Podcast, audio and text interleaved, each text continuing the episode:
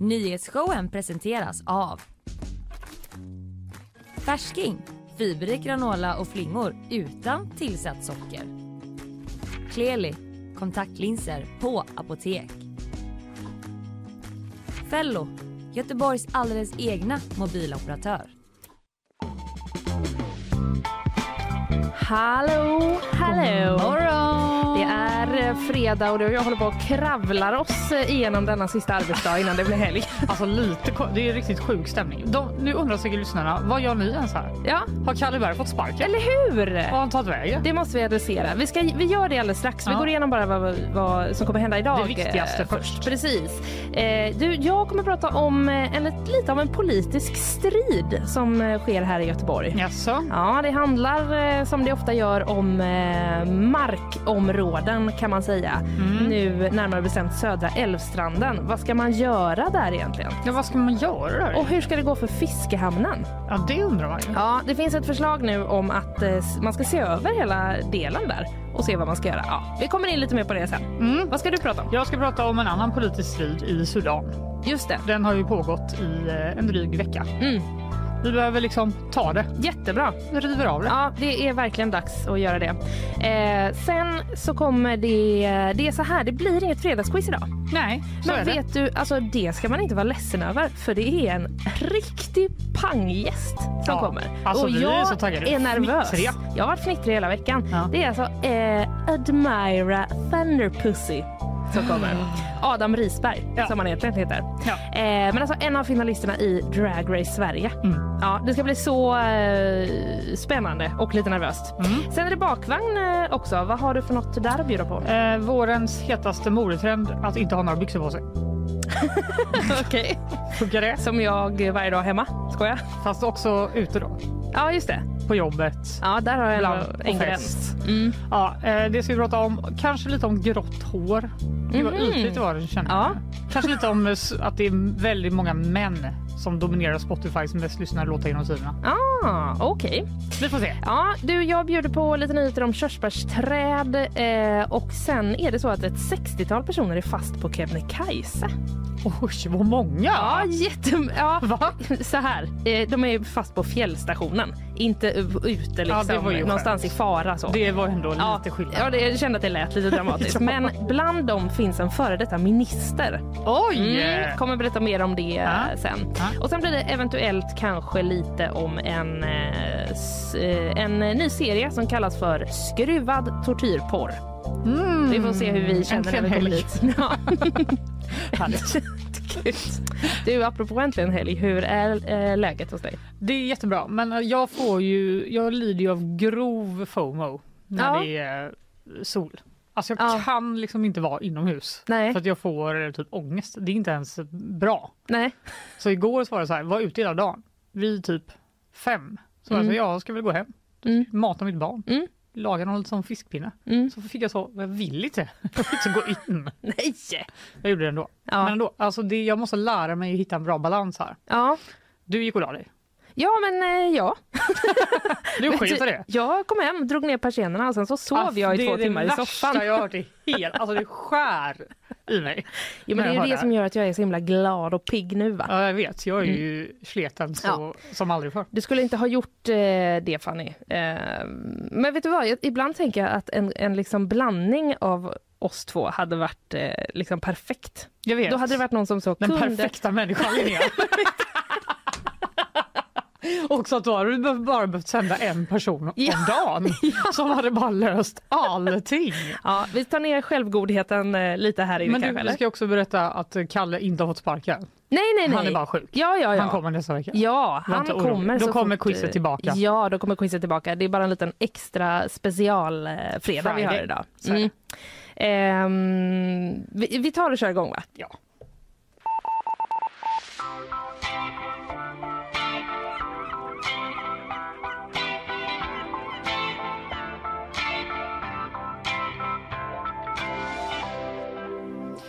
Okej Linnea, Ja. nu kör vi. Nu kör vi. Det har ju varit eh, ganska mycket nyheter om Sudan Mm. den senaste veckan. Det är efter att en eh, bitter maktstrid inom eh, landets militära elit har brutit ut Mhm.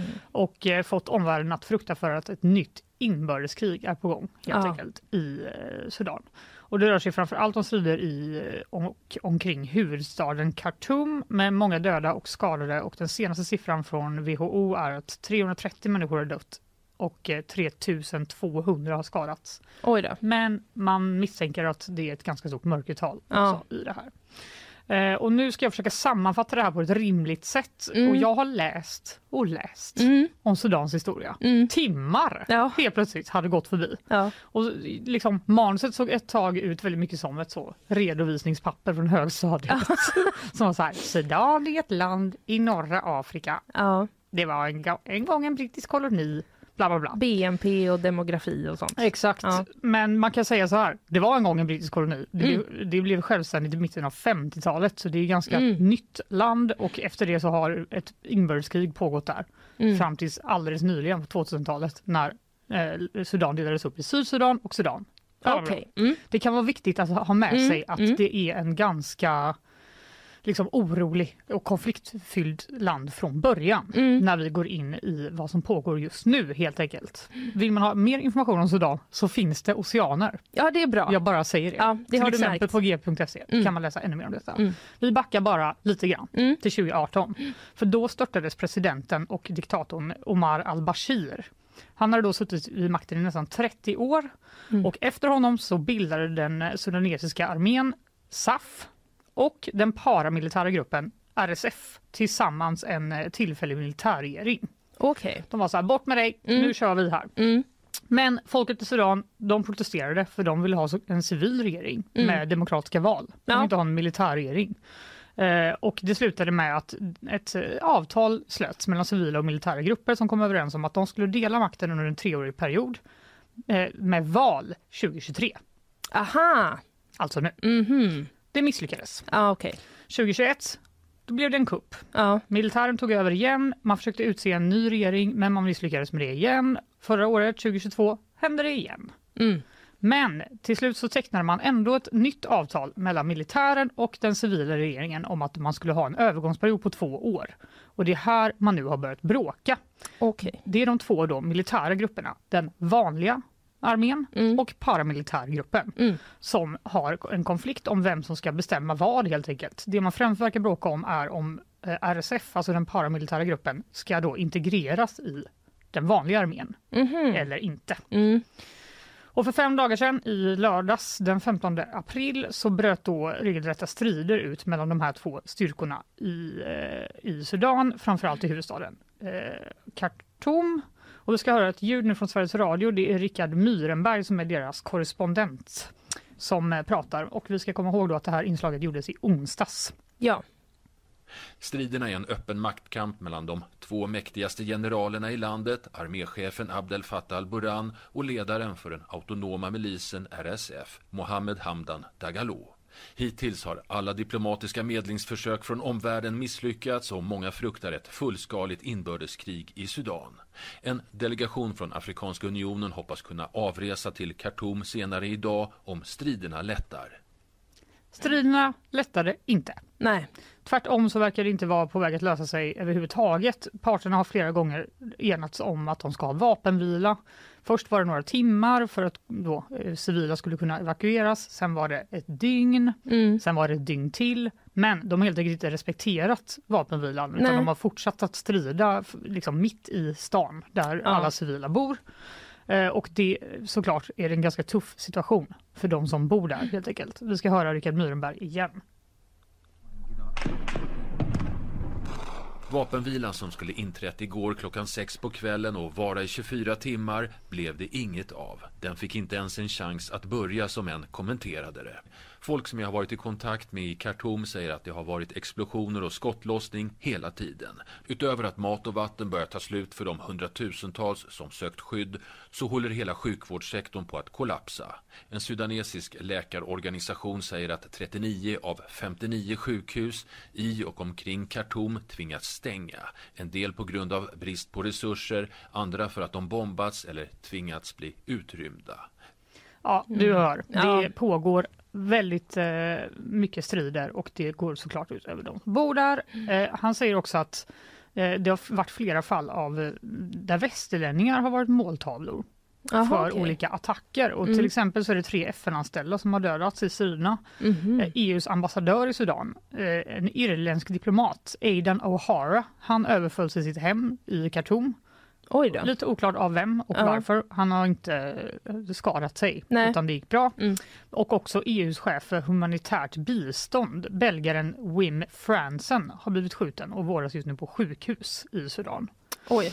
Så det är liksom lite så. Mm, många har kallat hem sin personal, Ja. försöker evakuera, men det är också svårt att göra det eftersom det pågår då Ja. strider. Ja, ja, verkligen mitt i ett eh, krisläge. Exakt. Och eh, ja, som, som eh, Rickard Myrenberg var inne på, sjukhusen kollapsar, de, mat och vatten börjar ta slut, många eh, har dött och eh, tusentals civila försöker nu lämna Sudan, typ till fots Mm. eller i bilar, trots då att vapenvilan inte har blivit av. Så Ja. de riskerar liksom att ändå... Man ger sig ut ändå. Ja, eh, och det finns uppgifter om att mellan 10 och 20 000 personer har flytt till grannlandet Chad. Mm. Eh, Man har också gjort flera medlingsförsök och försök att evakuera civila från andra länder, till exempel från Tyskland, men man har behövt avbryta det på grund av striderna. Det Mm. är för farligt helt enkelt. Och de här oroligheterna har ju så, såklart fått väldigt många att reagera i omvärlden. Både, båda de här generalerna har förfört samtal med USAs utrikesminister Antony Blinken och även grannländerna Egypten och Sydsudan har försökt medla och varit så här. Nu måste vi lugna ner den här Mm. situationen. Eh, igår manade också FNs generalsekreterare Antonio Guterres till en minst tre dagar lång vapenvila i landet. Mm. Det får vi ju se hur det går med det då. Mm. Samtidigt så kommer det lite nya uppgifter här i New York Times eh, under gårdagen om att de här två generalerna då för SAF och RFS, Mm. de åt middag ihop. Bara några dagar innan de här striderna började. Jaha. Och det visar sig att både amerikanska och brittiska medlare ska liksom ha försökt hålla långa möten med de här cheferna Ja. och där, under förra veckan. Mm. För att de har känt att nu är det här på väg att Mm. blossa upp, den Mm. här konflikten. Och då ska båda generalerna ha gjort liksom vissa eftergifter och utfärdat diverse, diverse löften då om att det kommer gå fredligt till det här. Vi vill alla ha en civil eh, regering. Mm. Liksom. Men i hemlighet har de då förberett sina styrkor för strid. Aha. Ja, och det har gjort att liksom omvärlden har tagits lite på sängen när det Ja, kommer till ja, den här ja. konflikten. Och så sent som fredags kväll så ska FNs sändebud Volker Peters ha ätit middag hemma hos den biträdande arméchefen och säger att det, det fanns inga indikationer på att strider var på gång. Nej. Och bara timmar efter det så kom, gör då de första skotten Ja, i okej. Khartoum. Så det är lite som att folk är så här, vad hände här nu Ja, då? precis. Ni sa ju detta. Exakt. Ja. Och som om att inte allt detta vore nog Mm. så pågår det också ett krig i sociala medier som det så ofta gör nu för Aha. tiden mellan de här två grupperna. Och det ska vara den här paramilitära gruppen RFS ska vara de som är mest aktiva. Vi ska höra Rickard Myrenberg igen. Milisen RSF har täta band med ryska Wagnergruppen och tillsammans äger de ett antal guldgruvor i Sudan vilket gett både Wagnergruppen och milisen stora inkomster. Inför det avtal som skulle ha skrivits under i vintras om ett framtida val och en demokratisering så dök det plötsligt upp en stor mängd konton på Twitter som uttryckte stöd för milisen och dess ledare Mohammed Hamdan Dagalo. Det är organisationen DFR Lab som studerar digital påverkan som funnit 900 misstänkta konton som varit vilande i många år men som i december förra året plötsligt väcktes till liv. Från den sista mars i år blev innehållet i kontona tydligt pro-RSF och dess ledare, vilket kan ge intrycket av att milisen har ett större stöd än den i verkligheten har. Det är oklart vem som ligger bakom det här, men hela upplägget visar på stora likheter med tidigare ryska påverkanskampanjer. Mm, ett ganska långt ljud, men Ja. du förstår. Det- Ja, ja, ja. De hade väckts förra året redan. De, De hade kontona. växt lite då och då och sen Mm. nu i mars så hade de helt enkelt börjat sprida väldigt mycket då pro-RFS Mm. och det de säger är att RFS har tagit över då väldigt viktiga strategiska platser Mhm. i eh, huvudstaden. Ja. Till exempel presidentpalatset och typ alla Aha. flygplatser. Ja, okej. Men det har inte kunnat bekräftas. Nej. Så det är helt enkelt svårt att lita på informationen som kommer från Sudan just nu. Mm. Både för de som sitter, alltså civilbefolkningen som är på plats i Sudan, Mm. som är så här, vad kan man lita på? Vad står det här? Jag vet inte om det stämmer. Men också för oss såklart, Ja. utanför, som försöker förstå den här konflikten. Mm. Så för att sammanfatta lite. Det pågår våldsamma strider i Sudan. Det pågår strider mellan två militära grupper. Tusentals civila har flytt, hundratals har dött. Det finns inget som tyder på att de här striderna ska lugna ner sig och många fruktar nu för ett regelrätt inbördeskrig i landet. Thank you.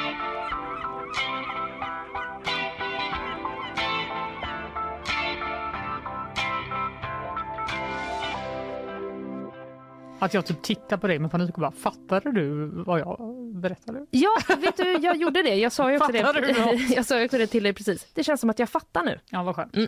Så eh, det tycker jag du gjorde bra. Hoppas ni som lyssnar fattar också. Ja, det hoppas vi. Vi har säkert all anledning att återkomma till det här längre fram Det låter så va? och liksom följa utvecklingen lite. Exakt. Kanske få hit någon expert. Vi får se. Det hade varit något. Ja, vi ska få nyhetssvep eh, alldeles strax, eh, men innan dess så lyssnar vi lite på våra sponsorer. Nyhetsshowen presenteras av Färsking, fiberrik granola och flingor utan tillsatt socker. Kleli, kontaktlinser på apotek. Fello, Göteborgs alldeles egna mobiloperatör. Ja, vi sitter kvar här. Det brukar vi ju göra. Eh, det hade varit jävligt konstigt annars. Det hade varit väldigt konstigt om jag sa nu lyssnar vi på våra sponsorer och så kom vi tillbaka och så var det ingen här. Så hade vi merchats ihop till den perfekta människan. ja, precis. Nej, vi är ju dessutom en människa extra här. Det brukar vi också vara. Hallå Isabella. Hallå? Är du också lite fredagssugen eller? Ja, absolut. Ja. Väldigt spänd på gästen som kommer. Ja men eller hur, Ja. för du är ju precis som jag en eh, trogen tittare på eh, Drag Race Sverige. Ja, jag är också väl en trogen tittare på RuPaul's Exakt. Drag Race Ja. som är liksom föregångaren, Ja, den men precis. Du har ju sett liksom den eh, från början och jag är den som kliver in nu Ja. och ändå försker ta någon slags cred. Nej, men alla som är med, Alla som är med. Ehm, du, vi eh, kör igång eh, direkt med lite nyheter. det gör vi. Ett ryskt stridsflygplan ska sent igår kväll orsakat en kraftig explosion i den ryska staden Belgorod som ligger nära gränsen till Ukraina. Man ska enligt det ryska försvarsdepartementet råkat avfyra en projektil som orsakade stora skador på flera byggnader och två kvinnor har skadats. En utredning har startats för att förklara hur man kunnat avfyra projektilen av misstag. Flygledningsorganisationen Eurocontrol som styr delar av flygtrafiken i Europa har blivit utsatta för en cyberattack av en prorysk hackergrupp. Detta rapporterar Wall Street Journal. Attacken ska ha pågått sedan i onsdags men man uppger att flygtrafiken inte är i fara utan att det framförallt är myndighetens kommunikationer och hemsida som påverkats. Det svenska glasögonmärket Nivida har gått i konkurs. Detta rapporterar Dagens Industri. Bolaget grundades 2014 och har sedan starten gått med förlust.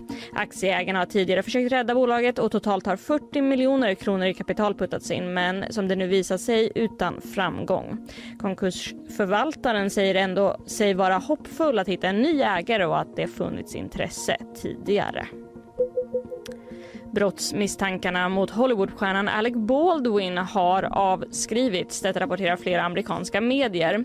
Det var i samband med inspelningen av filmen Rust som Baldwin avfyrade ett rekvisitavapen som visade sig vara skarpladdat. Filmfotografen Halina Hutkins träffades av skottet och avled senare av sina skador.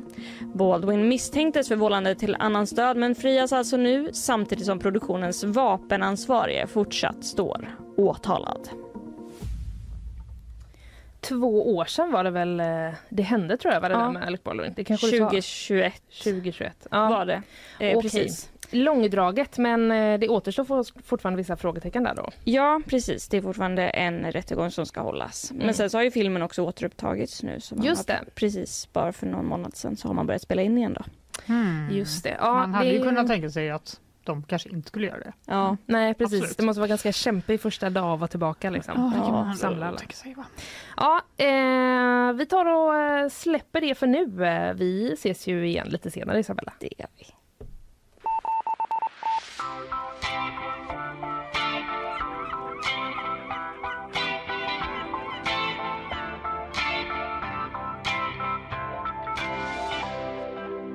Nu du Fanny! Ja! Nu ska vi prata om Södra Älvstranden. Ja. Mm. Närmare bestämt eh, området då mellan Stenas Danmarksterminal vid eh, Järntorget Mm. och Klippan Just det. i Majorna. Mm. Mm. Det är den remsan där som eh, det handlar om. Det finns nämligen lite planer för vad som skulle kunna ske på den remsan som jag nu uppenbarligen valde att kalla den. Ja, typ Ja. hela bara sidan av älven. Exakt. På, på vår sida tänkte jag säga, men det är ju på vår sida. Ja, precis. Där vi sitter nu. Ja. Eh, det är ju precis, det är ju liksom Oscarsleden går ju där Mm. eh, och skiljer liksom Majorna då till exempel från eh, Från havet, från remsan som den nu heter. Ja. Ja. precis. Så är det ju. Men eh, S, V, MP och C som Mm. tillsammans eh, styr Göteborg, de har nu kommit överens om att börja titta på om man kan bygga där. Ja, Vad man skulle kunna göra med den. vad trevligt. Ja, man vill se om det går att liksom eh, göra det lite mer som Eriksberg. Så Mm. att man eh, kan komma närmre vattnet. Typ att människor kan gå där, kanske bo där. Exakt, Kanske. jag tänkte på det. Ta lite eh, kaffe. Ja men precis, jag tänkte på det förut. Har jag typ någonsin varit där? Det har jag såklart, men det är väldigt få gånger. Det är ganska svårt Ja. att röra sig där Det är det. faktiskt. Det finns ju olika taggtrådsstängsel ja, och sånt där. det. Olika parkeringar och ja, den här leden. Leden det inte lite minst. Ja, precis. Om man inte vill promenera på en motorväg. Nej, Det och det eh, vill vi ju inte råda någon att göra. Nej. Men du, nu ska, vi alltså, ska det alltså undersökas då, vill politikerna, att eh, se vad man kan göra där. Det är Mm. våran eh, reporterkollega Etsas eh, Yusuf har skrivit om detta och pratat med Johannes Hulter, Jaså? känd från nyhetsshowen i tisdags. Ja. Mm. Eh, han är ju socialdemokrat, Johannes Hulter, och ordförande i stadsbyggnadsnämnden. Och det vi pratade om i tisdags var ju då hur, man, hur han vill då att man ska bygga mer klassiskt i Göteborg. Mm. Eh, och det finns ju eh, finns jättemycket att höra där om man vill eh, bli nyfiken på det. Mm. kan man bara gå tillbaka. Mm. Men eh, om de här planerna just nu då, då sa Johannes Hulter eh, så här. Vi vill att staden återfår kontakt med älven. Mm. Så det är väl det man menar då när man, eh, när man nämner liksom Eriksberg som en liten referens. Ja, För där är det ju ändå verkligen så. Det finns ju ett bostadshus, vad är det, tre meter kanske från, liksom, ja, från älven. En, en litet promenadstråk Mm. och olika eh, kaféer. Ja, lite annat. restauranger och lite trevliga grejer. Ja. Eh, Men på den här delen som vi pratar om just nu då, då ligger ju idag, som jag nämnde, eh, där ligger både Stenas Danmarksterminal Mm. och Tysklandsterminalen. Just det. De tar lite plats. Precis, de tar lite plats Ja. bara med de här eh, färgerna som lägger till och alla som vill eh, gå på och åka. Mm. Men Stena har eh, gett besked sedan tidigare om att de kommer flytta allt till Arendal. Just det. Alltså hamnen som ligger på andra sidan älven och längre ut liksom, i Ja. utloppet. Ja.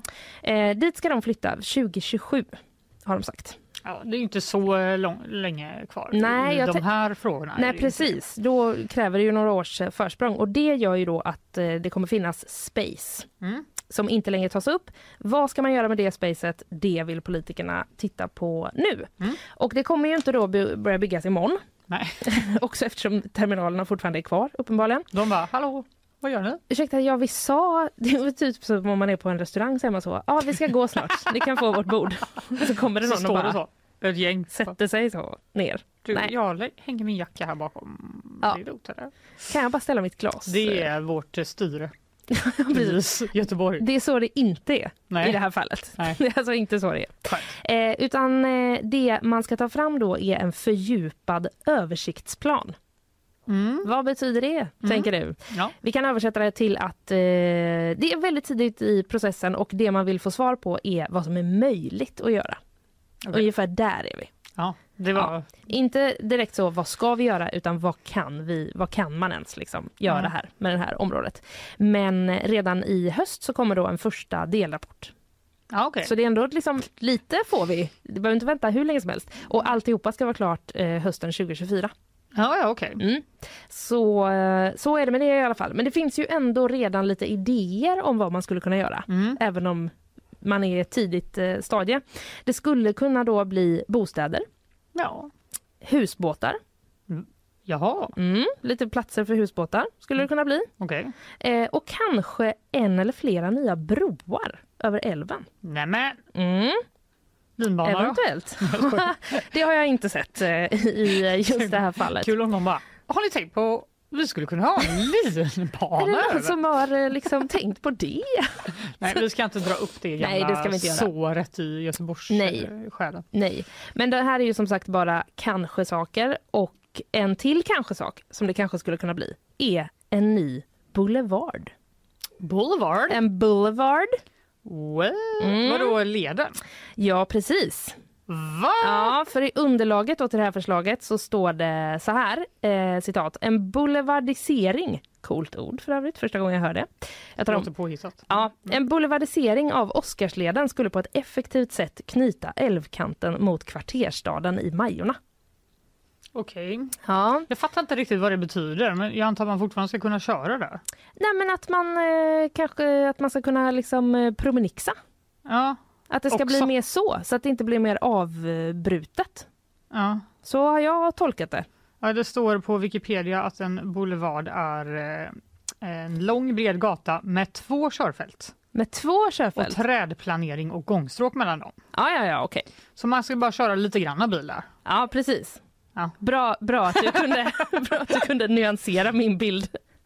Men eh, det är också som sagt bara ett kanske då. Ja, Mm, absolut. inget beslutat än. Alltid ett kanske i detta. Ja, eh, Johannes Hulter han säger så här till oss på GP. Eh, senaste halvseklet har vi ju stängt av där, då pratar han om Oscarsleden alltså. Mm. Först med själva motorvägen och sen taggtråd och stängsel. Så vill vi inte ha det framöver. Nej. Så man kanske skulle kunna lätta upp lite, eh, finns det tankar om då. Men det är ju inte bara Stenas terminaler som ligger i det här området. Nej, det är ju inte det va? Det ligger ju även något vi brukar kalla för fiskhamnen. Ja. Mm.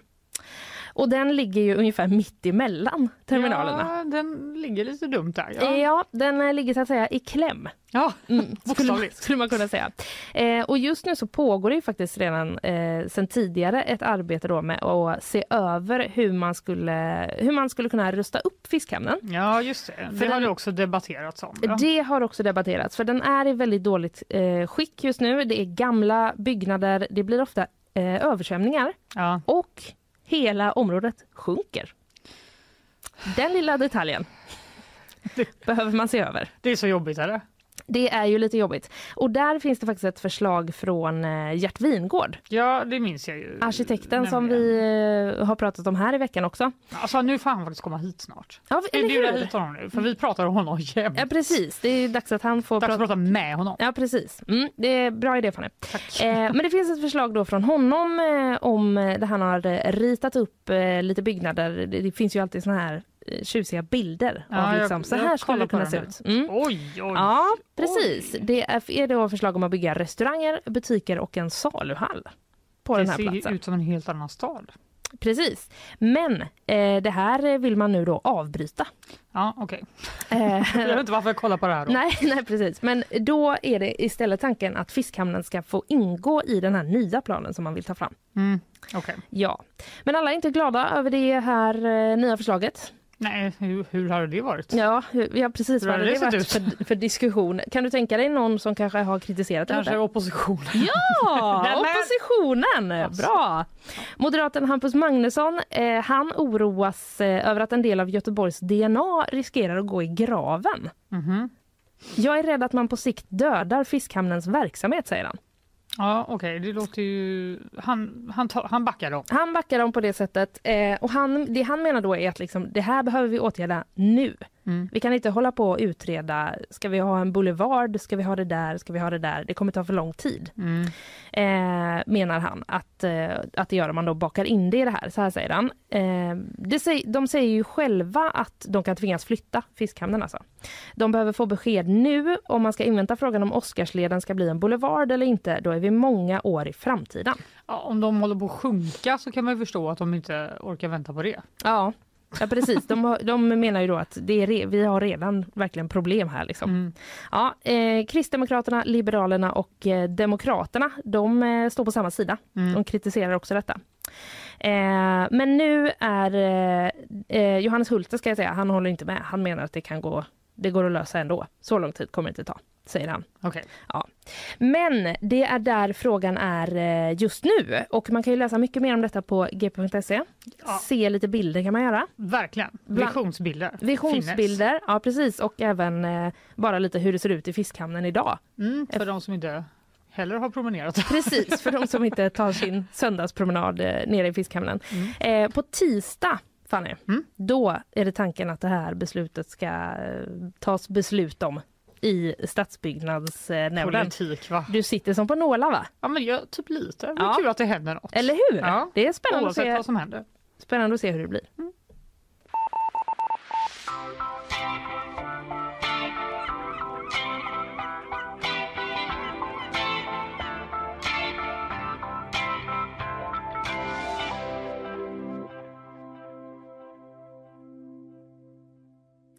Nu Fanny, Snart är det gäst! jag känner liksom att pulsen börjar stiga, pulsen börjar stiga.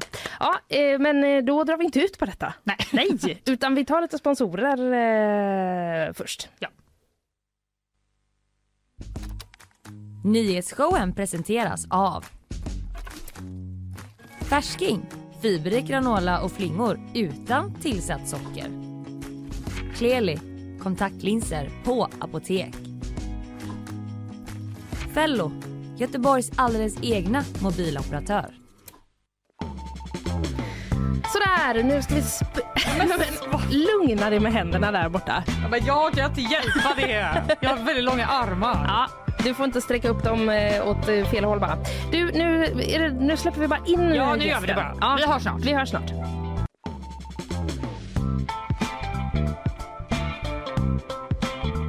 Ja men nu händer det, alltså nu Det är det börjar med att, en bugg. Det är som att Men nu är vi här igen. Det är som att ljudbordet eh, blir pirrigt och bara så, nej jag kan inte låta, jag kan inte låta. Ja. Eh, vi har fått in vår gäst. Nu börjar det verkligen dra ihop sig. På söndag då koras den första vinnaren någonsin av Drag Race Sverige. Mm. Ja, tre queens är kvar i tävlingen och en av dem har vi här nu i vår egen studio. Välkommen Adam Admira Thunderpussy Risberg. Hey girl! Jag älskar när ni klämmer in mitt dragnamn som mitt mellannamn. Det är fantastiskt. Vi har döpt om dig till det nu. Det är Ja. bara hela ditt namn. Fantastiskt. Alltså det är så eh, peppig stämning här. Ja. Jag men det är känner- ju tävling, alltså det, tävlingen håller ju på att ta slut. Ja. Ja, precis. Det är så kort tid kvar nu. Det är ju så. Men du, första säsongen eh, alltså i Drag Race Sverige någonsin. På söndag är det final. Hur, hur har det varit att göra liksom, den första säsongen i eh, landet? Jättekul framför allt men också väldigt konstigt eftersom att allting är helt nytt. Och det är så mycket att ta in och sen så spelade vi in det här för flera månader sedan och nu så ska man återuppleva det igen på tv och då får man ju bara se ett litet fragment utav ens egna upplevelse. Så det är som att titta på en gammal feberdröm typ. Det är väldigt, väldigt konstigt i huvudet. Men såklart väldigt, väldigt kul och spännande framför allt. Eh, just eftersom att vi nu kan liksom bygga dragscenen på ett helt annat sätt from scratch här. Men har, ni, har du haft så här titt, eh, tittarfest varje avsnitt? Ja men det har jag haft. Eh, delvis några själva. Jag har en eh, kompis till mig som har en jättefin bio på sitt kontor som vi har hyrt. Så det har jag bjudit in mina närmsta. Och där vi har suttit och tittat. Eh, bara de avsnitten när jag har vunnit då såklart. eh, Om och om igen bara. Ja, och sen så har vi ju haft, eh, det har funnits en sån här um, viewing party på Taproom i Stockholm. Eh, där flera möjliga människor samlas och tittar.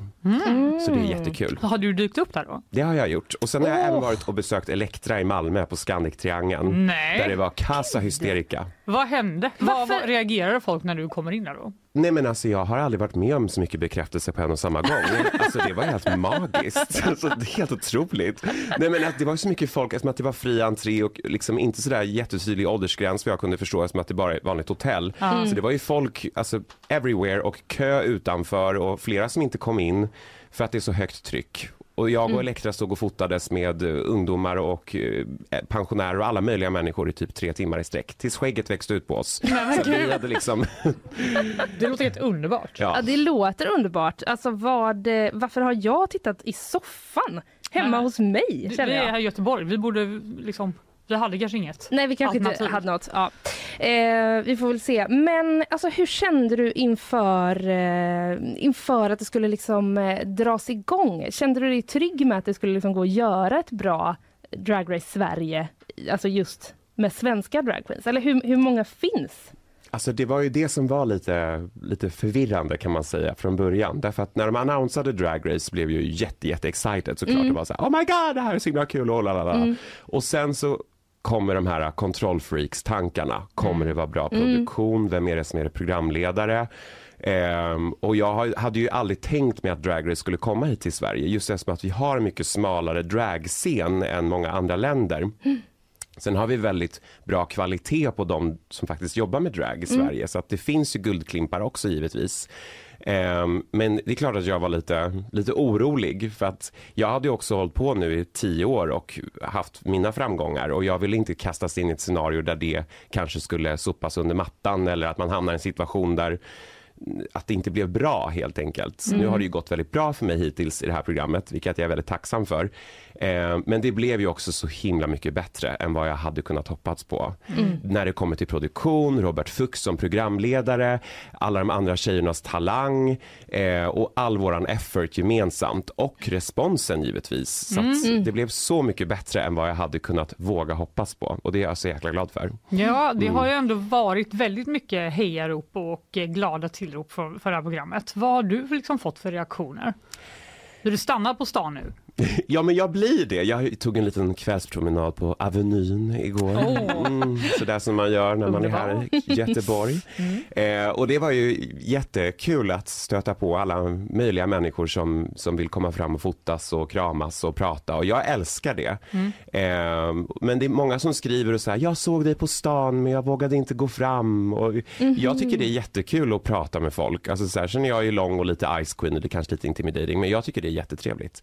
Sen har jag fått jättemycket respons alltså från själva programmet också på sociala medier och unga hbtq-personer som hör av sig som kanske vill prova på drag eller som eh, känner sig utanför och så här som delar med sig utav, utav sina, sitt mörker kan man säga. Så det är jättefint. Vad brukar, du, vad, vad brukar du säga då om man eh, är sugen på att prova drag? Det känns som att det finns så mycket, man kanske måste börja med någonting. Eller vad ger du för råd? Nej, men jag tror att det bästa rådet som man kan få är väl att eh, inte försöka vara bra från början.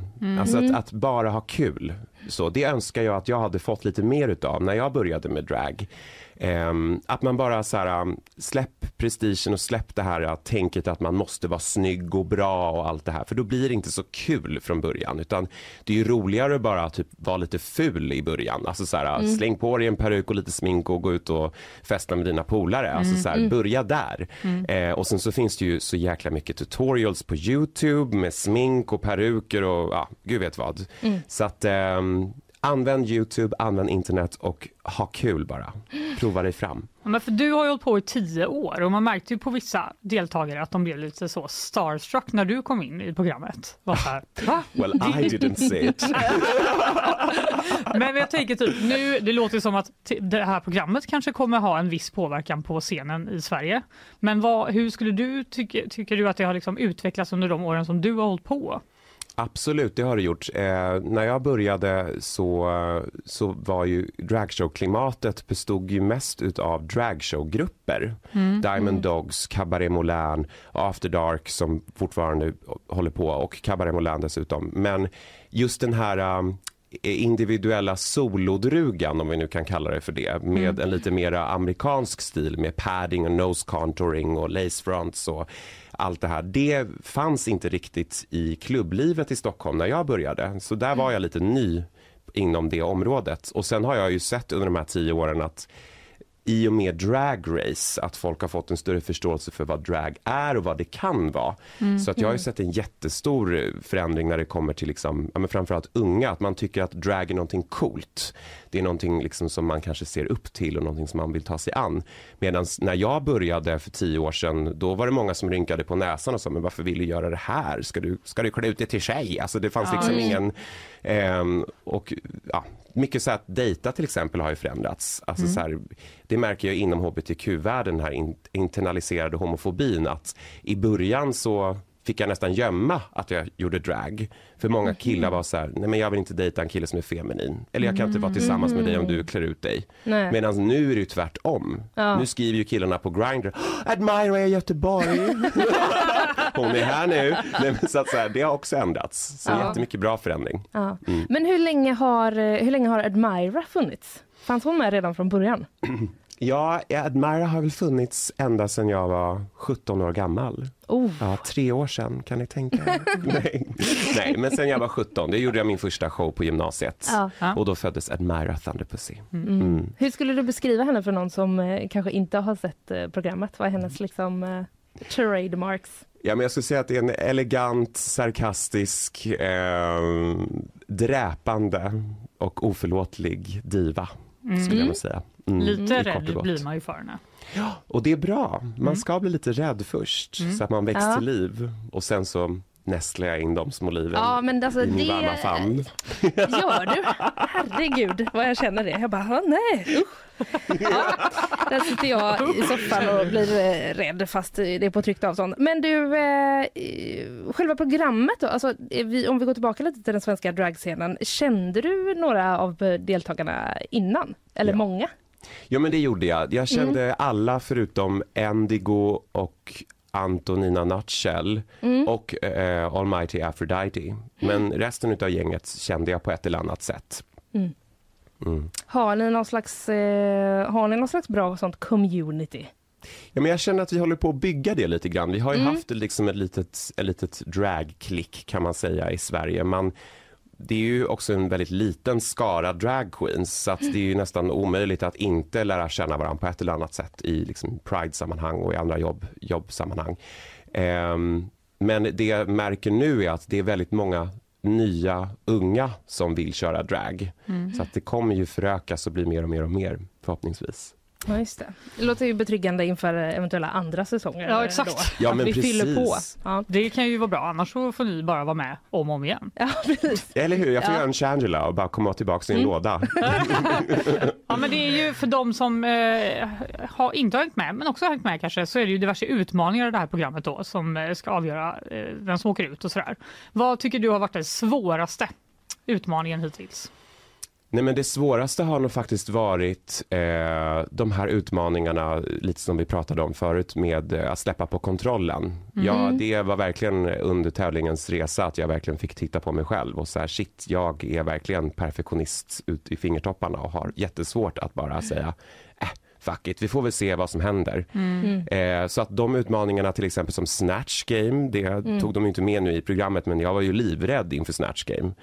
Eh, jag hade inte skådespelat sedan jag var liten. Vad är det för någon som inte Snatch sett? Game är som en, eh, det är ett avsnitt i programmet, en tävlingsmoment där eh, drugorna då, eller tjejerna som tävlar får imitera en kändis och det ska gå ganska fort och det är mycket improvisation och man måste tänka snabbt och svara på frågor och vara rolig och gestalta kändis. Så det är mycket som står på spel. Eh, och mycket som är utanför ens kontroll. Då måste man bara slänga sig in i leken och Ja. lära sig leken tåla eller vad man säger. Ehm, så det var jätteutmanande. Och, ja, men allt, allt inom skådespel. Men sen så upptäckte jag också att jag är ganska bra på det och tycker det är kul. Så att det var ju en bra nyhet ändå. Ja, för ni hade ju också den här utmaningen när ni skulle göra liksom, eh, det var väl i senaste avsnittet tror jag, när ni skulle spela in liksom någon slags krimdrag-inspirerat litet avsnitt. Diva Assoluta. Ja, precis. Och då fick du ju ändå spela, vad var det? var ju inte en läkare. Nej, det var Det en var schweizisk perukmakare. perukforskare. Ja, just det. mm. Perukforskare? Sådär som man gör. Just det, perukforskare. Mm. Frågetecken. Det universumet eh, man kliver in i. Mm. Men du, hur mår, eh, hur mår eh, ditt ansikte efter alla de här sminkningarna hela tiden upp och ner? Nej, men jag hoppas att mitt ansikte mår bra här under. Jag har inte sett mig osminkad på över ett år. Det är strategin. Ja, det är strategin. Nej, men jag tror att den här fetsminkmasken då som man slänger på sig i drag, den blir ju lite exfolierande också på något sätt. Det är något som händer där under. Någonting är det. Något bra. Men du, ni har ju en väldigt liksom utpräglad banter mot varandra i programmet. eh, Liksom, som är ganska rolig men också lite elak. Eh, Kan det vara svårt att hitta rätt nivå? Typ att det landar lite fel när man så här, drar på lite? Ja, nej, alltså jag... Eh, inte för min del, utan jag, min, min inställning i programmet var att här ska jag komma in och vara mig själv. Jag kommer inte hålla tillbaks, utan jag är här för att visa min personlighet. Och i dragvärlden så har vi ju liksom lite vassare, kattigare humor mot varandra. Därför att, att jag tror också att det är ett sätt för oss att projicera och hantera eh, mycket av den här mobbningen som vi har, av, flesta av oss har blivit utsatt för när vi var yngre. Att ta det och låta det vara ett skämt i sig på ett sätt, om vi nu ska vara lite djupare. Men överlag så um, så känner jag ändå att så här, min, min humor och mina vassa kommentarer kommer ändå från ett ställe utav omtanke. Alltså jag skulle aldrig lägga ner så mycket tid i tv på att säga någonting drygt om dig eller någon annan. Om jag, inte om dig då Nej, såklart, det det skulle jag aldrig våga. tack. Nej, men eh, utan att, eh, nej, men jag skulle aldrig lägga ner så mycket tid på det om jag inte brydde mig om situationen. Liksom. Så, men jag kan ju förstå att så här, från the outside perspective att det kanske framstår som lite elakt. Men ehm, det är det inte från början. Utan, och om någon tar illa upp av vad jag säger så är jag mer än gärna be om ursäkt om det sårar någons känslor. Men hade ni någon sån eh, debriefing så efter? Var det någon som var, är alla okej här? Nej, inte alls. Nej, men Verkligen då, inte. då behövdes kanske inte det då. Nej, enkelt. jag tror faktiskt inte det. Proffs allihopa. Ja. Som eh, tänker att det ing- det ingår väl i, eh, i karaktärerna som du säger.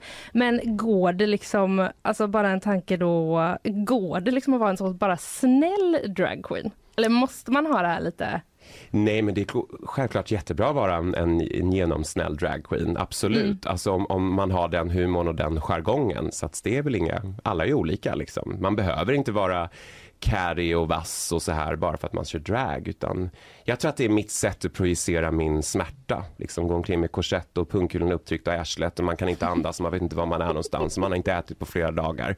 Då blir det att man blir lite, lite bitsk så här. Mm, på Fair andras enough. bekostnad. Fair enough. Alltså, verkligen fair enough? när du säger det så. Ja, det är synd om mig. Det är det jag försöker säga. Absolut. Men utöver allt eh, det här med liksom kläder och smink och glam eh, och så, så finns det ju faktiskt också lite allvar i programmet. Ehm, och då funderar jag lite på vad, eh, ja, men vad programledaren Robert Fuchs sa till er där i det första avsnittet om eh, hur mycket mod det krävs av alla er som är med. Känner du dig liksom eh, modig? Absolut. Jag har ju liksom slängt mig in i den här dragvärlden från 17 års ålder.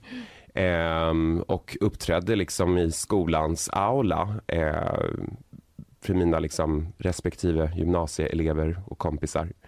Eh, och det krävdes mycket mod. Eh, men jag tror också att det här modet odlades lite grann ifrån en frustration för att jag kände mig hela tiden utanför. Eh, och jag visste inte vad jag skulle göra av det här utanförskapet. Så att jag bestämde mig bara någonstans på vägen att så här, nej men fuck it, jag tänker liksom glittra till min tillvaro och skapa en fantasibild utav mig själv som jag kan relatera till. Ehm, och fira det. Ehm, och så. Det, det, det är lite det som drag är för mig. Ehm, men det är klart att det krävs mycket mod och det jag menar Mara, det här mod, ambition, riv och artisteri, det är verkligen summeringen utav en dragqueen för mig. Men för du och de andra som är med i programmet har ju alla liksom delat med er av svåra stunder i, i ert liv. Tycker du det är viktigt att det fick vara med i programmet också? Absolut, och det är ju också en av anledningarna till varför jag var så glad att SVT tog sig an Drag Race Sverige. Eh, eftersom att då finns det ett annat svängrum och utrymme för att göra lite djupare personporträtt. Då är inte fokuset lika mycket på det här eh, bitchiga dramat. Nu är vi lite bitchiga mot varandra i alla fall. Eh, men Drag Race är ju en väldigt fin och bra plattform för hbtq-personer att kunna öppna upp sig och yttra sig om sitt mörker. Eh, och jag tänkte på det här om dagen att så här, om, om jag hade fått ha Drag Race Sverige i vardagsrummet för tio år sedan när jag började med Myra Thunderpussy. Vad härligt det hade varit för mig. Jag hade kunnat oroa mig mycket mindre och förstå att så här, men det jag vill, det är inget fel med det. Eller jag behöver inte lyssna på alla andras kritik och så här utan jag kan förstå att det jag vill göra är helt okej okay och det är inget farligt. Mm. Så att det är väldigt viktigt. Eh, och jag menar mörker och det här det som gömmer sig bakom masken, det är ju viktigt för alla att se och njuta och ta del av också. Mm. Det är helheten som, liksom, som, är, som är viktigast. Mm. För det har ju också pågått en stor debatt det senaste året med Drag Queen Story Hour till exempel. Hur skulle du säga att det är att vara liksom dragartist i Sverige idag och påverka den politiska debatten dig? Nej, den påverkar inte mig. Det gör den inte. Utan det är ju en väldigt, på ett sätt, individuell fråga. Eh, jag tror att det absolut eh, kanske påverkar andra dragqueens. De som faktiskt jobbar med att läsa sagor för barn. Mm. Eh, och den frågan får man i så fall lämna till dem till exempel. Jag har aldrig läst sagor för barn. Jag tycker Nej. ärligt talat inte om barn. Nej. Utan det jag gör är till på en, hör hemma på en nattklubbscen eller på en teater med folk som köper biljetter till mina shower.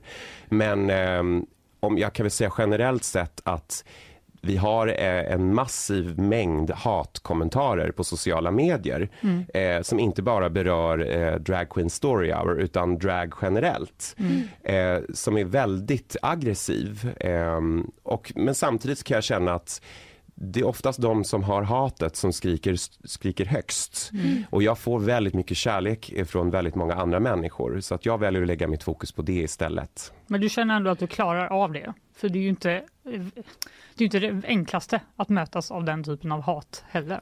Nej, men jag väljer ju att inte läsa till exempel kommentarer och sånt på liksom SVTs sidor eller Aftonbladet eller Expressen, alla de här olika. Mm. Utan jag väljer att rikta mitt fokus eh, till de plattformarna som jag representerar. Mm. För de plattformarna är det personer som gillar det jag gör som söker sig till. Mm. Eh, och dessutom hela mitt liv har jag aldrig lagt en sekunds tanke på vad någon annan tycker och tänker om mig. Mm. Utan, för det tjänar inget syfte. Det finns ingenting där som jag kan återigen kontrollera. Det, det är utanför min, min räckvidd. Mm. Så att eh, folk får säga vad de vill om mig och de får tycka vad de vill. Jag menar det It's a freedom speech baby.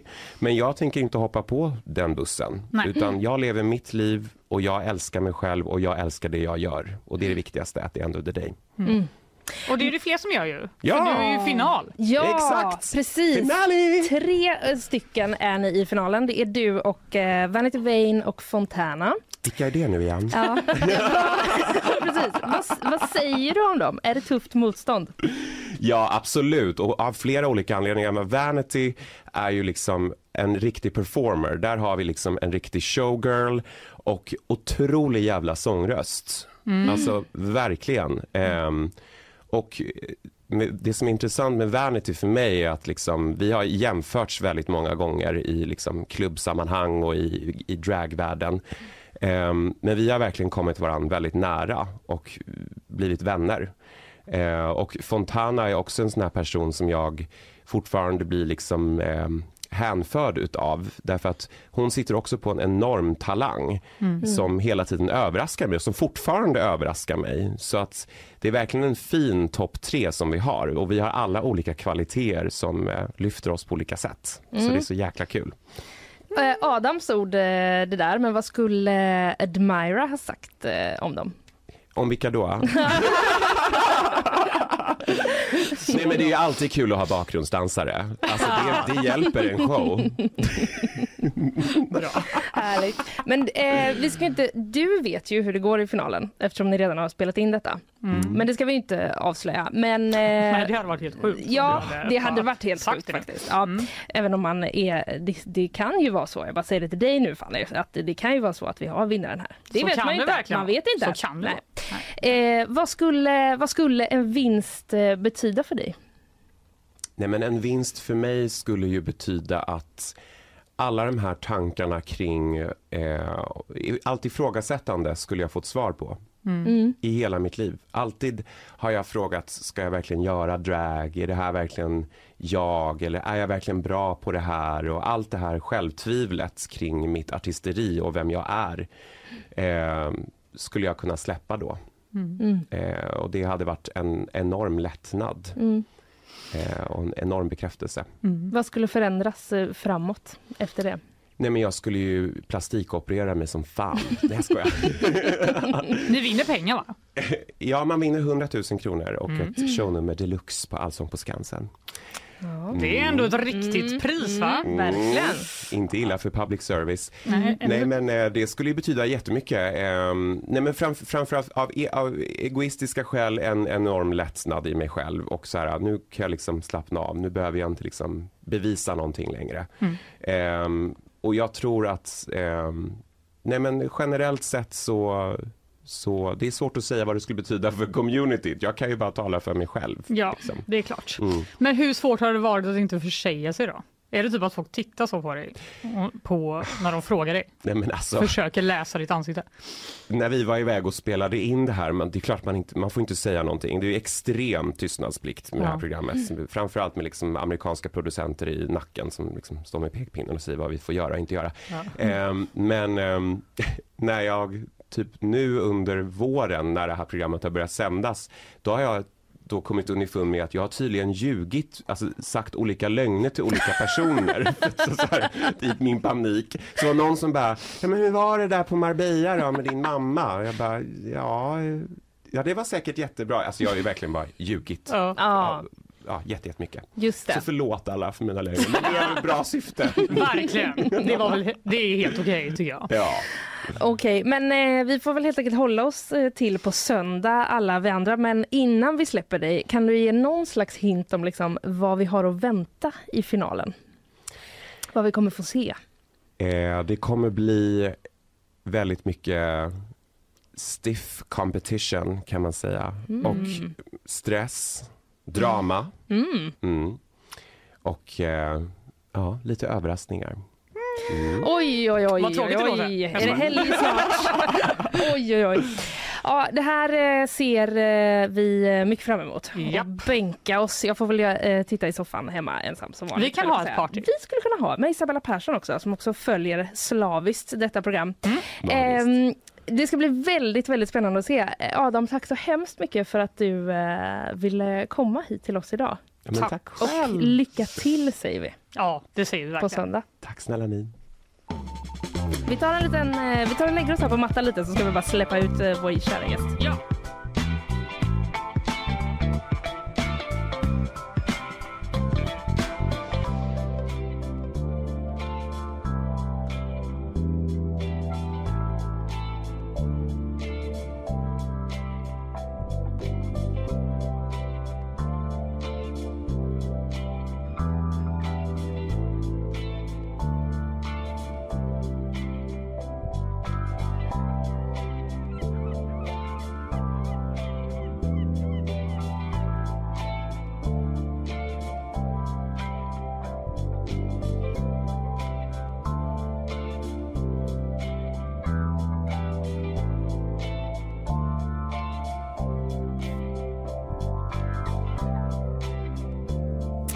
Oj Fanny.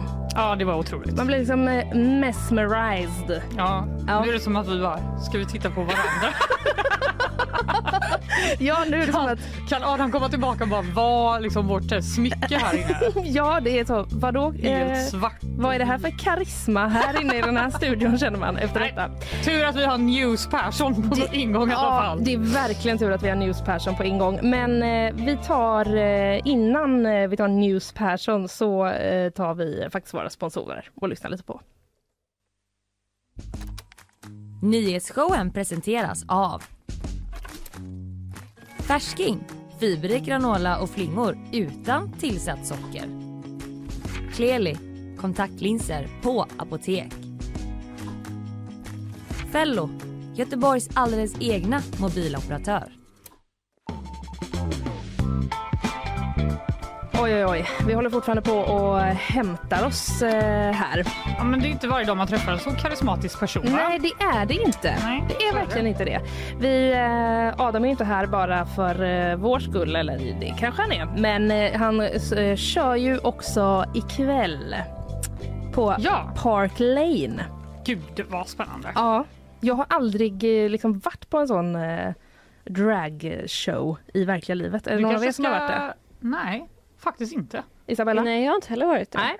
Det kanske blir eh, premiär. Ja, eh, kan bli lite krångligt men det får vi se till att ordna. Kanske nästa gång vi går på AV med nyhetsshowen att vi försöker gå på någon slags eh, dragshow. Det hade, jag, det hade varit kul. Ja. Eh, men vi eh, ska försöka samla oss efter detta och vi börjar det försöket med att eh, ta lite nyheter. Det gör vi. Ett ryskt stridsflygplan ska sent igår kväll orsakat en kraftig explosion i den ryska staden Belgorod som ligger nära gränsen till Ukraina. Man ska enligt det ryska försvarsdepartementet råkat avfyra en projektil som orsakade stora skador på flera byggnader och två kvinnor har skadats. En utredning har nu start startats för att förklara hur man kunnat avfyra projektilerna av misstag. Flygledningsorganisationen Eurocontrol som styr delar av flygtrafiken i Europa har blivit utsatta för en cyberattack av en prorysk hackergrupp. Detta rapporterar Wall Street Journal. Attacken ska ha pågått sedan i onsdags men man uppger att flygtrafiken inte är i fara utan att det framförallt är myndighetens kommunikationer och hemsida som påverkats. Brottsmisstankarna mot Hollywoodstjärnan Alec Baldwin har avskrivits, detta rapporterar flera amerikanska medier. Det var i samband med inspelningen av filmen Rust som Baldwin avfyrade ett rekvisitavapen som visade sig vara skarpladdat. Filmfotografen Halina Hatkins träffades av skottet och avled senare av sina skador. Baldwin misstänktes för vållande till annans död men frias alltså nu samtidigt som produktionens vapenansvarig fortsatt står åtalad. En rysk 70-årig kvinna döms till böter efter att ha kallat Ukrainas president Zelensky vacker och rolig. Kvinnan ska ha rest till södra Ryssland för att bo på ett spahotell och ska ha uttryckt sin åsikt till en servitris. Några dagar senare knackade en civilklädd man på dörren och tog kvinnan till polisstationen. Hon döms nu för att skapat misstro mot den ryska militären och tvingas betala 40 000 rubel i böter vilket motsvarar ungefär 5 000 svenska kronor. Oj, oj, oj. Ja, känner man var ju ibland om, eh, om nyhetsläget. Känner man så. Speciellt. Ja, Mm. får samla sig. Du eh, Isabella, vilken eh, morgon vi har haft. Det har vi verkligen haft. Låt oss eh, ta helg. Jag tar helg, ni fortsätter lite Vi till. fortsätter en liten stund Hallå, vi är mitt i programmet Linnea.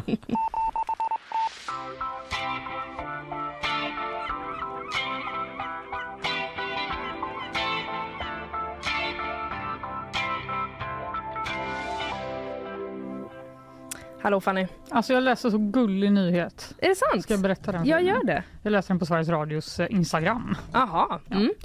Örnen Murphy ruvade på en sten. Blev Nej. sen fosterpappa till en örnunge.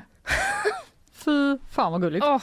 I ett fågelreservat i Missouri Ja. började havsörnen Murphy att ruva på en sten. I flera veckor satt den 31 år gamla Murphy på stenen i väntan på att stenen skulle kläckas. Nej men snälla. Personalen på fågelreservatet blev rörda av hans faderinstinkt och lät honom hållas. Mm.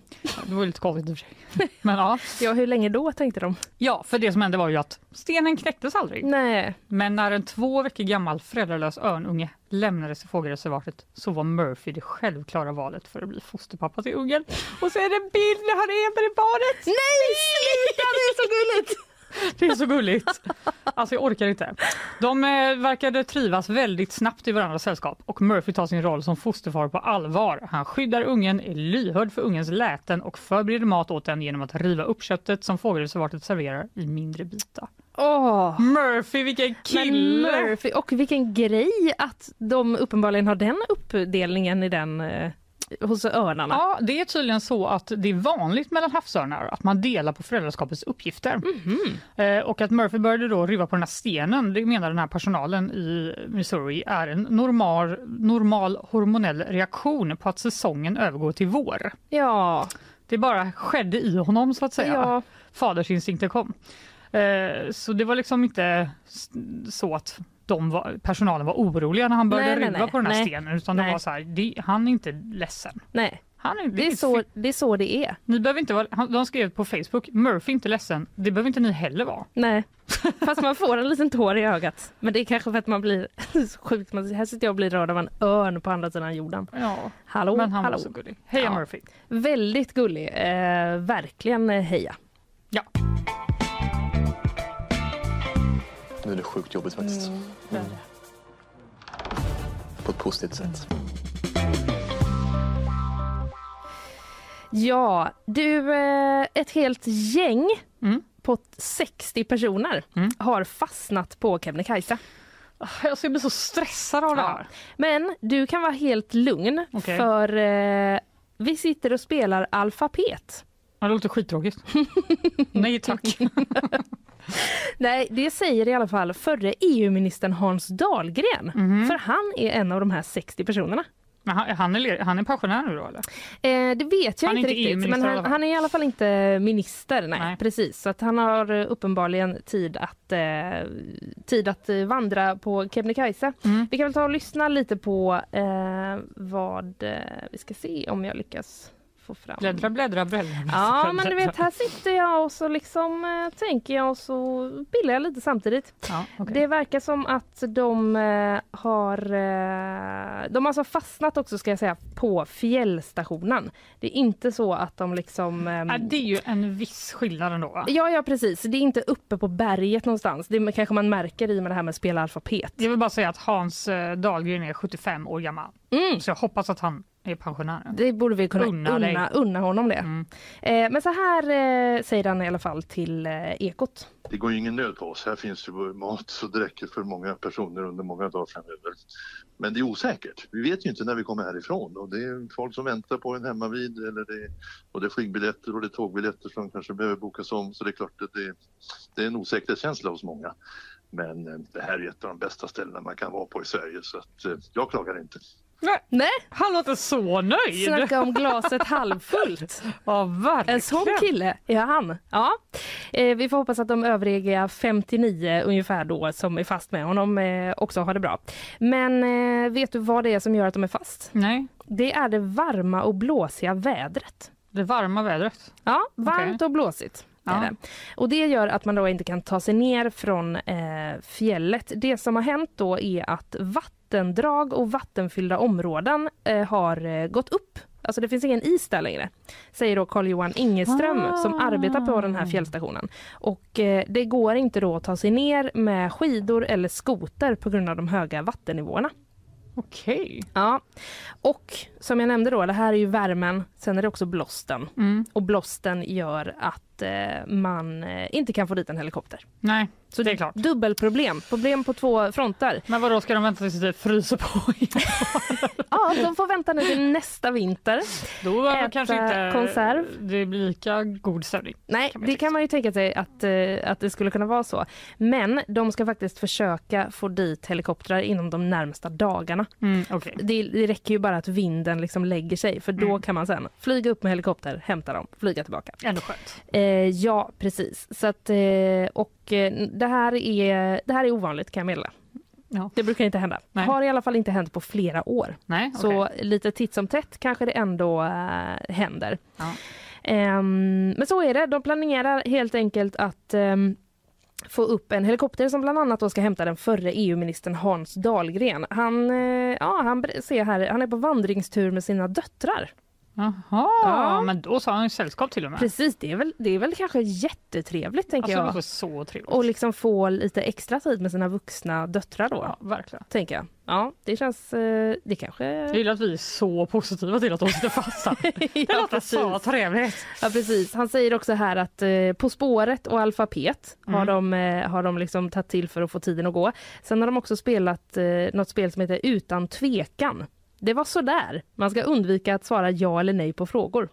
Ja, så det blir en liten eh, sällskapsspelsrecension eh, kan man också få här om man tar del av eh, Aftonbladets artikel alltså om eh, gänget som eh, är fast på Kebnekaise. Har du varit med om någon gång att du har sett eh, folk plocka lösgodis i butikerna med händerna? Nästan varje dag jag är på affären. Hur reagerar du då? Så åt och åt helvete. Den som inga byxor har är trendigast i vår. Läser jag. I, Det här oroar mig. Ja, det är vår, vårt helgmagasin Två dagar Mm. som har bidragit med den här artikeln. Mm. Eh, ett, eh, en av vårens mest omtalade modetrender är inte ett nytt plagg utan ett plagg mindre. Hmm. Va? Byxorna då alltså? Ja, Är det då är det så här att eh, det började tydligen med Kendall Jenner, Mhm. Känd influencer Mm. och eh, Kardashian-klan medlem. Mm. Hon eh, kopierade nämligen då Bottega Venetas look från eh, deras vårkollektion 2023 där man då skulle ha dubbla tröjor, pumps, trosor och strumpbyxor men ingen kjol. Dub, dubbla tröjor, pumps, trosor, trosor och strumpbyxor. Ja, det är verkligen Men- som att man bara glömmer sista Det steget. är som att man bara har gått ut jättestressad och glömt att klä på sig. Det är trendigt. Så som man springer runt när man letar efter sin kjol typ. Exakt. Kan hitta den. Ja. bara, så- Okej. Ja, och det är väl tydligen inte bara då eh, de som har skippat brallorna under Nej. årets visningar. Eh, Det är eh, ett helt gäng märken som har då olika lookar utan byxor och också många kändisar. Eh, Förutom Kendall då som Bella Hadid, Hailey Bieber och Rita Ora. Som helt enkelt har sportat looken, bara tröja. Ja. Kanske skor också. Kan det vara på grund av inflationen? Då säger modevetaren här va. Mm. Nu ska jag bara scrolla, scrolla, scrolla, scrolla. Eh, Mm. Det, tydligen är det något som har, det är inte nytt. Det har skett förr i modehistorien och Mm. det har handlat om någon slags frigörelse och ökad frihet för kvinnor. På 60-talet eh, under ungdomskulturen då så eh, hade man långa underbyxor. Bara. Ja. Jag vet inte. Och även, nej det var också under 1800-talet som man hade det. Ja, typ som mer som shorts antar jag. Ja, ja, ja. Eller ja. hot pants. Lite mamelucker typ. Exakt. Ja. Eh, det finns också då eh, mer transparenta plagg med synliga trosor som man hade under 90-talet Mm, som mm. gjorde också att man fick då någon slags vision om att man gick utan brallorna på helt enkelt. Ja. Och även eh, Jessica, Jessica Krona här säger att eh, hon ser, eh, känner igen outfit från Sex and the City, Carrie, som gärna gick ut i bara Mm. underkläder som kalsonger, hotpants eller endast en stor skjorta som precis täckte rumpan. Ja, ja, ja, ja, ja. Jag kommer också tänka på i eh, gymnasiet. Då var det ju någon omgång när, var, när man skulle ha så bara strumpbyxor, ett långt linne Mm, och typ en luvtröja. Fy fan vad fult alltså. Ja, det är fruktansvärt Det är fult. fult. Jag hade också det och så hade jag liksom stövlar till. Det såg ju helt sjukt ut. Vet du vad som är snyggt? Nej. Byxor! Byxor, ja. Det är skitsnyggt. Nej, men det står faktiskt så här, under pandemin, Mm. då var byxor ett ganska ointressant plagg. Ja, det är ju sant. Det tycker jag var lite ändå sant, eller? Mm. Eh, och eh, jag vet inte, nu är ju pandemin verkligen över, men eh, eftersom man aldrig typ tog en selfie där man visade upp sin underkropp eller typ hade ett videomöte då, Nej. där man bara, vill ni veta vad jag har på mig för Ja, byxor? exakt. Så kanske det är någon slags förlängning av det då, Men- eh, tror man här. Ja. Det kan ju också vara, alltså det är ju perfekt för eh, oss här i nyhetsshowen.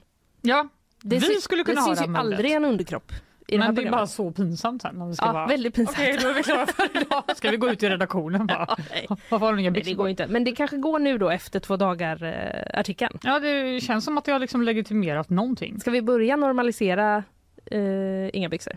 Ja, tyvärr står det att det, också, det som också är normaliserat är att man bara ska visa jättemycket hud och vara supersmal. Okej, de Heroin två chic. grejerna känner jag nej tack. Det känner jag att vi verkligen kan rata. Ja. Det trodde jag vi hade kommit vidare ifrån. Det, det tycker man att vi borde på Mm. något sätt. Verkligen. Jag vet ingen svensk eller i Sverige boende människa som går och kastar sina sopsäckar i naturen. Då är man ju konstig i huvudet. Nu blommar körsbärsträden. Jaha, Mm. men jag så, såg faktiskt några igår. Som inte blommade. Nej, som blommade. Ah. Jag blev jättelycklig. Ja, det säger, eh, det skriver vi på GP i en eh, artikel. De börjar att blomma i alla fall. Så att eh, det kan ju vara så att alla körsbärsträd inte blommar exakt just nu. Men de är på gång. Det är de på Järntorget helt Mm. enkelt. De klassiska som vi har fotat och tittat på. Och efter dem så kommer det då körsbärsträd i Botaniska. De verkar vara näst på tur i liksom blomningsschemat. De kanske har ett sånt, körsbärsträden i. Ja, men jag kan säga att även de i seminarieparken, Mm. de blommade. Just det, bakom Linnéplatsen där. eh, Igår. Ja, exakt. På Ah, Övre ja, ja. Ja, Eh, men vad underbart. Vet du vad, det Ja. går också väldigt snabbt. Det går Så jättesnabbt. man måste väl gå ja. ut och ta olika konstiga selfies Ja, ja, ja. i de ja. här eh, träden nu. Precis, jag tänker att eh, helgen här nu som, som kommer, Mm. det, det lär vara väldigt mycket körsbärs-selfies på Järntorget. Ja, jag tror Skulle jag kunna tro. det. Så att eh, kanske man ska gå dit tidigt på dagen. eh, om man vill vara ensam. Om man inte vill ha typ 15 andra Om man inte vill ha en groupie, eh, kanske med främlingar. Då kanske man eh, ska, ska gå dit eh, där. Eh, Man det- måste ju inte ta selfies. Man kan också bara titta på Ja, man kan låta bli. Man kan välja en magnolia istället till exempel och ta selfie. Åh. Om man vill vara lite sån. Den är fin. Ja, den är riktigt fin. Mm. Här har jag tyvärr inga bra tips på vart de finns, men jag gissar att det kanske finns åtminstone en i trädgårdsföreningen. Det skulle jag tro. Ja, det känns ju eh, som att det eh, är så. Mm. Men eh, alltså, det gäller att eh, springa dit eh, ganska snart hörni, om eh, ni vill ha en chans att eh, fånga blommornas, eh, blommornas prakt i år. Jag tänker att han måste ha en otroligt exklusiv och snygg tvättkorg. Kanske är den i rostfritt material, kanske är den i guld. Det, det låter som en fantastisk beskrivning. Alltså läser på GP att Carl Jan Granqvist han krävs på 800 000 kronor av en mäklarfirma. Oj! Ändå ganska mycket pengar eller? Ja, det får man väl ändå säga. Ja, vet du varför? Nej. För att han har skänkt bort sin gamla herrgård Saxo bruk. Aha. Som ligger någonstans i Värmland. Eh, och då säger den här mäklarfirman att de hade fått i uppdrag att de skulle sälja den. Eh, 2020. Aha! Men att sen då 2022 så valde Carl Jan istället att skänka bort den eh, då. Och då menar han att de, eller då menar mäklarfirman att de ändå ska ha provisionen. På 800 kronor, liksom, 1000 kronor. Okej, typ det de skulle ha fått om de hade sålt den. Mm, eller hur? Var inte det lite Mhm. speciellt? Det var lite speciellt ja. Ja, han har skänkt bort den till en stiftelse som han själv har varit med och grundat eh, tydligen. Ja. Och, eh, ja, han säger då, vi har helt enkelt olika uppfattningar om vad som händer när det inte blir en försäljning. Ja just det. Det känns som ett eh, klassiskt fall för jurister detta va? Ja, jag tycker bara att hans inställning är ganska trevlig för att eh, Expressen har då ringt Carl Jan och frågat Ja. hur känns det här egentligen för dig? Ja. Då säger han så här, jag har ständigt problem. Problem är till för att lösas. Jag har inga känslor för sånt där. Är man så gammal som jag och så nära döden så löser man problem. Jag har inga känslor för det. Det är en transaktion. Jaha. Ändå lite goals. En ganska liksom eh, avslappnad inställning. Det är sätt. lös. Han, Ja. Problem är till för att lösas. Tänk om man var så eh, positiv varje gång man åkte på någon skit. Ja, det skulle man ju verkligen ha varit. Jag känner mig inspirerad av Carl Jans eh, view on life här. Ja, typ så. Eh, oj, du har försovit dig. Ja, då löser jag det. Hur då? Eh, Spring ett jobb. Stressa. Typ, antagligen på samma sätt som Ja, men det gör man väl i och för sig. Det är väl det är inte så ofta man inte löser problem. Mer att, han- att det var så han valde att säga det. Ja, Själv har man väl känt så här, vad är det för skit? Ni har inte gjort ert jobb. Ja. Ni får inte mina pengar. Så hade jag resonerat. Det hade man.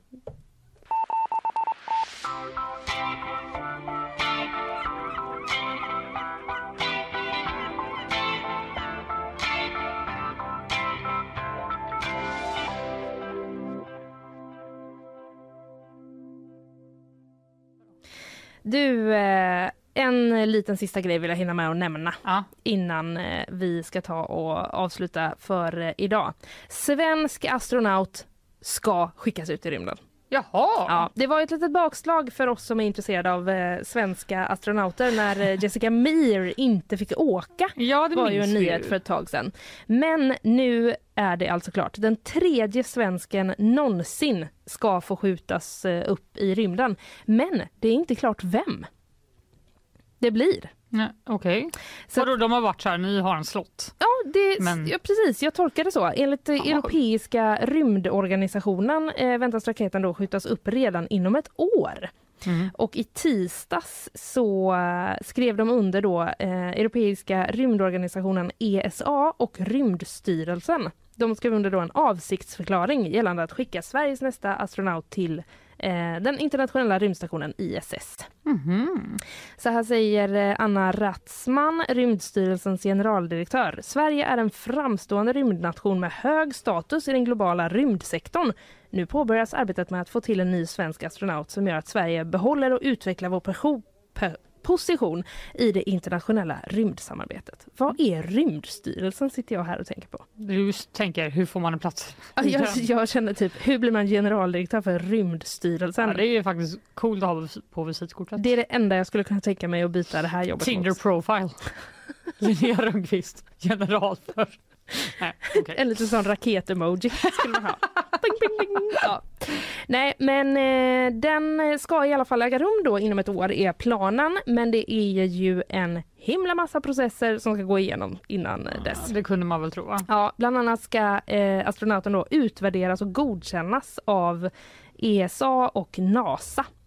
Ja. Och de två eh, tidigare som har eh, varit i rymden, de svenska astronauterna, det är ju då Christer Fuglesang. Jajamän. Det minns du? Flera gånger var han väl där? Jajamän, 2006 och 2009 eh, har han varit där. Ja. Två gånger. Gud, det börjar bli ett tag sedan nu. Ja, eller hur? Så det är ju verkligen läge. Men vi har ju också, alltså Jessica Mi, eh, Meir har ju också, hon har ju varit i rymden. Ja, det var bara att hon inte fick åka nu. Precis, hon fick inte åka nu, Mm. men hon var faktiskt där 2019 och sen är det då den som eh, kan bli Eh, så är det då vem som blir den tredje. Det här verkar det som att Aktuellt har lite uppgifter om vem det skulle kunna bli. Va? Ja, vem som är näst på tur är ännu inte offentliggjort men enligt Aktuellt då så kan det vara frågan om ingenjören och den tidigare stridspiloten Marcus Wandt från Linköping. Nämen! Vad spännande! Ja, det var verkligen spännande. I slutet av november 2022 då valdes han eh, av totalt 22 500 sökande ut till reserv i ESAs astronautgrupp. Ja, det låter väl eh, Sen dess, troligt då. ja, sen dess har han då väntat på att tilldelas ett uppdrag. Ja, gud vad spännande. Det känns ju ändå som att stridspilot och astronaut, jag kan ju tänka mig yrken som har mer skillnader än Mm. de två. Heja Sverige! Verkligen och eh, grattis i förväg till den som eh, kommer att få åka. Jag har en grej till. så. Ja, Jag drar den med en gång. ja vi gör det. Jag var nämligen se lite breaking news här. Ja, vad är det då? MUF, Ja, Moderata ungdomsförbundet, de eh, har kommit på en skitbra idé på att lösa den här vilda strejken. Stockholm. på pendeltågen där. Ja, Mm. de vill eh, avskaffa förarna och ha Äh. förarlösa tåg. Jaha, Så himla smart eller? okej. Men eh, det kanske inte kan hjälpa strejken här och nu eller? Nej, de tycker, som svar på den här strejken så ska man helt enkelt utreda då, det är MUF i Region Stockholm, MUF tycker att Region Stockholm ska utreda Mm. om förarna ska avskaffas och tågen ska bli förarlösa. Det är ändå i den riktningen samhället är på väg. Sverige vill, lä- ligger väldigt långt efter på den fronten. Danmark har till exempel haft förarlösa system i flera år. Va? Det säger eh, Douglas Thor som är ordförande i MUF. Mhm. Eh, till det. Ja, ja, det visste jag inte om Danmark. Nej, han säger att tryggheten skulle öka om tåget blir förarlöst. Han säger inte varför dock. Jaha, kanske tryggheten för förarna då, för det är det de för de menar. inte är med på tåget. Nej, men, jo, men det är, det är ju det som är deras grej. Det är därför de strejkar nu, för att det inte ska vara några tågvärdar. Så att de blir då ensamma på hela tåget. Men då undrar jag om de ska istället ha tågvärdar då? Mm, kanske också blir någon slags robotmänniska. Ja, han säger det, tryggheten skulle öka om tågen blir förarlösa och det är dessutom billigare på sikt. Det är väldigt roligt med folk på vänsterkanten som ena dagen klagar på höga biljettpriser och andra dagen vill anställa meningslös personal. Jaha, Taskiga det mot dem. ja. Eh, Anna Selin, vänster, Mm. oppositionsråd i Stockholm. Hon Mm. säger till DN att MUF har dålig koll på läget och att det finns en ovilja att anställa människor. Pendeltågen är komplex struktur med många andra tåg. Man kan inte bara, det är inget slutet system. Att bara ta Mm. bort förarna, ja Nej. då har man inte så bra koll på läget, säger hon. Nej, okej, okej. Men eh, det var ju bara, jag tycker bara en väldigt hands-on lösning på ett problem. Verkligen. Om vi strejkar, de dem bara AI-robotar kan väl sköta det här programmet. Ja, precis. Eh, där finns det mycket spännande att läsa också på gp.se om eh, vår eh, kollega och ekonomireporter Alexander Just som har undersökt just kommer han själv att bli ersatt av eh, AI i framtiden. Ja, om ni hör två AI-röster på måndag, då vet ni vad som har hänt. Då är det MUF som har fått bestämma eh, och jag och Fanny är någon annanstans. ja. Så Sjukt dåligt. Nej, nu tar vi och syr ihop det här Du innan, det, innan det blir för mycket fredags, dags. fredagsfeeling. Ja. Eh, vilken underbar eh, dag det har varit och Ja, det var vecka rent av. Jag har pratat om eh, vad de styrande politikerna har för planer för eh, södra Älvstranden. Mm. Området mellan då, eh, ja, men från Järntorget och Danmarksterminalen ner till Klippan i Majerna. Mm. Eh, där vill man nu försöka titta på vad man kan göra istället. Eh, och du har pratat om? Jag har pratat om konflikten i Sudan. Just det. Det är en komplex historia men den Ja. pågår och fortsätter. Ja. Så eh, det, vi får hålla koll på den. Absolut, en väldigt bra uppdatering. Inbördeskrig kan vara tyvärr på gång. Ja, precis. En bra uppdatering om man känner att man inte riktigt har koll på eh, läget får man där. Mm. Sen blev jag starstruck och lite fnissig och osammanhängande för då kom ju eh, Adam Risberg hit. Ja, det gjorde han. Han Alltså- såg oss med storm. Alltså även upphovsmakaren bakom Admira Thunderpussy som alltså är en av tre finalister i Drag Race Sverige som har eh, final nu på söndag. Spännande!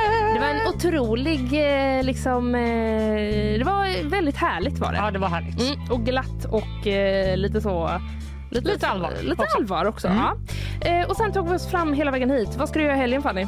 Jag ska bara vara ute. Ja, det är klart du ska. I solen. För att du kan inte vara inne. Men det ska regna på söndag. Ah, Du kan också vara ute och Jättebra. går in lagom till söndag. Där. det blir perfekt. Vi, vi ses under körsbärsträden allihopa. ja, det gör vi. Ladda selfiekrämen. Tack för den här veckan. Hej!